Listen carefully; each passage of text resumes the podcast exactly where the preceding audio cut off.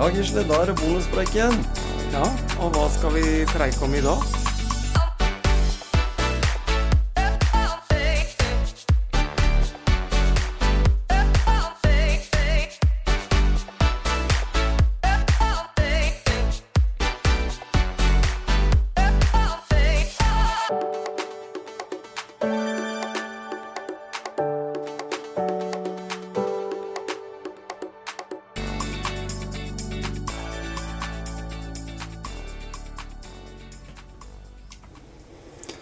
Ja, her sitter jeg i studio, podkaststudio, og min eh, faste makker, han er på ferie. Men eh, vi er løsningsorientert, vi i Motivasjonspreik, så vi preiker bare videre, vi. Og så tenker vi at eh, Gisle, der han måtte være, hører på podkasten og blir enda, enda mer motivert til å komme sterkt tilbake når ferietida er over. Så derfor så sier jeg velkommen til Ida Marie Roligheten. Eller Jo. Ida, som vi kaller det. Ja, Hei. takk for det. Hei. Du eh, heiv deg rundt du når jeg spurte om eh, jeg trenger en eh, støttespiller jeg vet når jeg er i studio. For så Mhm. prater jo jeg bare jeg hele tida. Og det er ikke folk interessert i, vet du. Så litt om deg sjøl, Ida. Hva driver du med? Ja. Nei, eh, jeg eh, er sykepleier, da. Jobber på sykehuset. Mm. På ortopedisk sengepost. Ja. Eh, utenom jobb så har jeg jo mann og barn og hunder Mm. som tar eh, en del tid. ja. Og så liker jeg jo å være aktiv, da. Mm. Liker å trene og ja, danse, zumba og ja, gå tur, toppturer. Mhm. Mm. Og, og sånn relasjonsmessig da, så, så har, kjenner jo vi hverandre fra før. Mm. Eh, og det er jo, holdt på å si Det er ikke det er letteste Kanskje noen sier at det er lett å plukke i nærmeste familie, da. Vi, du er jo eldstedattera mi. eh, og har vel blitt preika huden full av mine tanker om det å være aktiv og, og, og være jobbe med forebyggende helse og helsearbeider, så, så litt æren kanskje må jeg ha for at jeg har påvirka deg til å gjøre valg, valga du har gjort i livet, kanskje. Ja, det var jo du som skaffa meg den første helsejobben jeg hadde. Ja, ikke sant? Det begynte litt sånn. Ja. Mm. Men eh, det vi skal snakke om her i dag, det er jo en bonuspreik. Eh, vi går inn i en eh, periode nå med valg. Mm.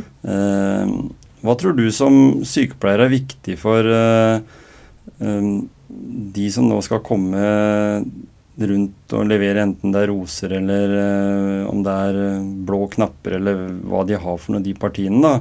T-skjorter og capser og vimpler og det som er. Eh, Hva tror du blir den viktigste saken i, i den valgkampen? Som, som kan, kan fange mest stemmer? Og nå skal ikke du være noe sånn professor i det, men hva, hva tror du som småbarnsmor og sykepleier og, og hele den pakka der, liksom? Hva tror du blir viktigste? Jeg tror jo miljø spiller veldig stor rolle, da. Mm. Det har jo mye å si. Det må tenke grønt. Ja. Eh, på alle mulige måter. Mm. Både som privatperson, men og bedrifter og sånn eh, Ja, generelt, da. Mm. Egentlig det å redusere klimautslipp og, og få eh, gjort det bedre, da. Mm, Og uansett så er jo ikke Norge miljøverstingen, da, hvis en sammenligner med mange andre nasjoner. Jeg, jeg sier at mitt, eh, mitt miljøengasjement går på det jeg føler at jeg kan gjøre. Mm. Jeg kan kjøre økonomisk, eller, eller velge å ikke bruke bil noe særlig. Sykle og sånn. Da får jo to ting i ett. Du får liksom trening, og du, får, eh, og du tenker miljø. Ja. Og, og så tenker jeg det hverdagslivet med hvor jeg kaster søpla mi hen, og hvordan jeg sorterer og sånn. Det tenker jeg er det, er det umiddelbare. Det som jeg ikke kan gjøre så mye, er med hva russerne gjør, kinesere og amerikanere, liksom. For de er så store nasjoner.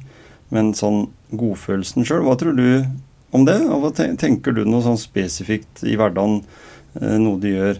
Dere Mm. kjører jo batteribil nå. Ja. Mm. ja, vi har jo bytta over fra diesel til eh, elbil, da. Mm. Så det er jo én måte å tenke miljø på. Mm. Eh, og så er det det med kildesortering hjemme, da. Mhm. og på jobb, at man er flink til det. Ja. Eh, jeg tenker å lære barna til å bli flinke til det og gjøre det samme. Mm. Og hva som er eh, til grønn pose, og hva som er til blå pose og, og restavfall og sånn. Og så kjøre, og sortere og kjøre det som skal kjøres på dynga og Mm. ja, i forskjellige poser og ja, er litt flink med det, da, for det er noe en kan gjøre som ikke krever så mye. Det er det som er. Også, også i hverdagen i dag så er det noen sånne små elementer som på en måte påvirker. Eh, Men, men politikerne de gjør jo ikke så mye med det, da. De tenker jo det store bildet, ikke sant. Skal vi kutte ut og pumpe opp olje, eller skal vi bare tenke grønt, grønt? Eller kan vi si det at eh, siden olje kommer fra naturen, det er jo en naturressurs, Mm, er det litt grønt det òg, da? ja. Istedenfor kanskje atomkraft, som, som for så vidt Ja. også er en reaksjon som skjer i forhold til Som er normalt fra, fra naturen sin side. Da. Så det, det er vanskelig å sette ting sånn direkte at det er miljøskadelig. Jeg, jeg tenker personlig at det er voldsom røyk ut av piper som forurenser mer enn akkurat uh, olje og gass, da. Ja, ja, ja. Og det jeg tror uh, Altså, hvis vi kan gjøre Hva skal jeg si uh, Det med jobbing å få opp olje og sånt nå, at eh, vi kan gjøre det på mest mulig grønn måte. Mm. Altså mest mulig miljøvennlig. Ja. Så langt det lar seg gjøre. Og det gjør, vi jo, det gjør jo Norge i dag. Ja. Så, så sånn, Men allikevel så er jo politikerne veldig opptatt, eh, tror jeg, i å finne alternative inntektskilder for en, et land som Norge, for det må vi jo ha. Mm. Vi kan ikke leve av bare å sitte og dingle med beina på et tur, liksom, og så ikke tro at vi trenger å skape noe. fordi det er jo nå vi må på en måte egentlig brette opp arma og, og ut og skape. Ja, mm. det er helt sant. Og i den forbindelse så tok jo vi den helt ut, vi sånn sett, og tenkte at vi skulle få besøk av en person. Mhm. en, en politiker som eh, er rød, Ja. og ikke tilhører partiet Rødt, men som tilhører partiet da Arbeiderpartiet. Mm -hmm. mm. Terje Lien Aasland, Ja. som stikker innom her. Han er rundt og leverer ut roser og snakker med folk på stands rundt forbi. Og til daglig sitter jo på Stortinget. Mm. Sittet i mange perioder allerede, siden 2004-2005. Ja. Mm. Så det blir spennende. Det blir spennende. Høre litt om hans uh, måte å, å være aktiv på òg. Mm. Jeg er jo opptatt av det i motivasjonspreik.